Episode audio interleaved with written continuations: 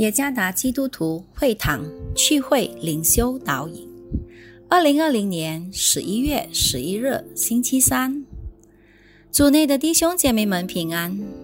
今天的灵修导引，我们将会借着圣经《使徒行传》第九章十三到十九节来思想今天的主题——报复的解读记。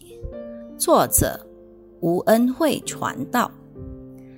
使徒行传第九章第十三节，亚拿尼亚回答说：“主啊，我听见许多人说，这人怎么样在耶路撒冷多多苦害你的圣徒，并且他在这里有从祭司长得来的权柄，捆绑一切求告你名的人。”主对亚拿尼亚说：“你只管去，他是我所拣选的器皿。”要在外邦人和君王，并以色列人面前宣扬我的名，我也要指示他为我的名必须受许多的苦难。亚拿尼亚就去了，进入那家，把手按在扫罗身上，说：“兄弟扫罗，在你来的路上，向你显现的主就是耶稣，打发我来。”叫你能看见，又被生灵充满。扫罗的眼睛上好像有灵，立刻掉下来，他就能看见。于是起来受了洗，吃过饭就健壮了。肝脏是我们人体内一个重要的器官，它以代谢功能为主，并能除去毒素，调节血液里的脂肪。糖分、蛋白质以及其他的合成，肝脏也会制造胆汁，一种能能能帮助消化脂肪的汁液。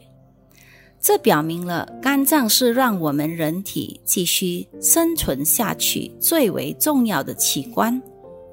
所以，专家建议我们得好好保养和养护我们的肝脏，以保持良好的健康。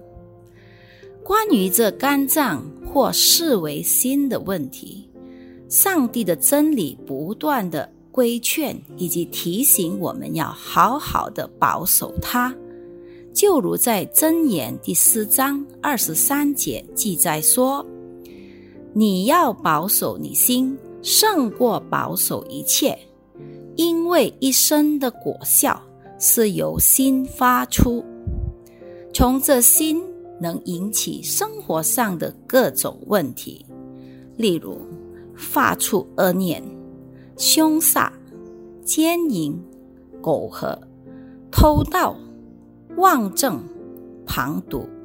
参看马太福音十五章第十九节。倘若心出了问题，便会出现很多新的毒物，就是怨恨、恼怒、悲伤。灰心、伤心等等。亚拿尼亚是一位在上帝面前常常保守他心的虔诚犹太人。他虽然不是一位使徒，只是一位普通的犹太人，但是他被那里的犹太人称赞。参看《使徒行状》第二十二章的十二节。亚拿尼亚在希伯来语是哈拿亚。意为上帝已经赦免。哈拿尼亚在圣经里被记载为一位上帝的门徒。哈拿尼亚之所以被称为上帝的门徒，是因为他遵守上帝的律法，也对上帝忠心。亚拿尼亚在他还没有遇见扫罗之前，他在意象中领受了上帝的旨意，然后他就顺从。当然，哈拿尼亚能很能有很多的借口来拒绝上帝的旨意，去唤醒扫罗，因为扫罗曾在耶路撒冷多多的苦害上帝的圣徒。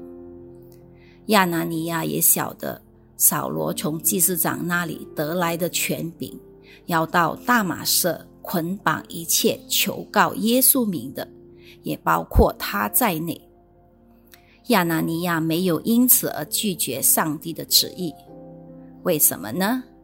因为亚拿尼亚没有让心里的毒物，就是怨恨、失望、苦毒、惧怕、忧郁以及仇恨来掌控自己。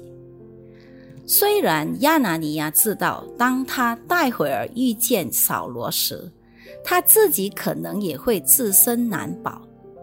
不能担保自己的安全，可是他仍旧顺服与降服在上帝的命令和旨意里。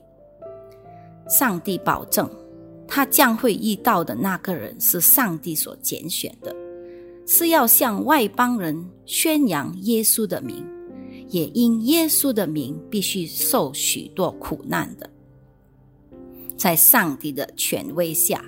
亚拿尼亚只是一位普通人，不是先知或者使徒，但是他是上帝的门徒，一位虔诚人，被上帝拣选出来，高莫一位有名的传道者。不只是按守在扫罗身上，还借着上帝的大能，用圣灵来高莫他。上帝能帮助我们常常拥有心灵苦读的解毒剂。第一，我们要拥有怜悯的心，我们能对待所有曾经伤害过我们的人表示怜悯与同情。第二，我们要选择饶恕和降服在上帝的使命里。第三，我们要带着谦卑的心。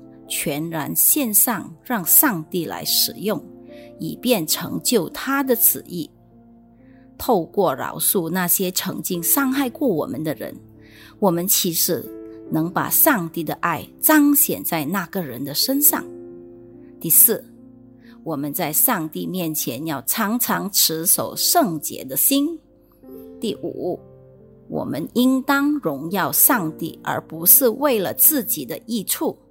例如舒适、安宁、利益，这就是我们必须拥有的解毒剂，以便来除去我们心里的毒物。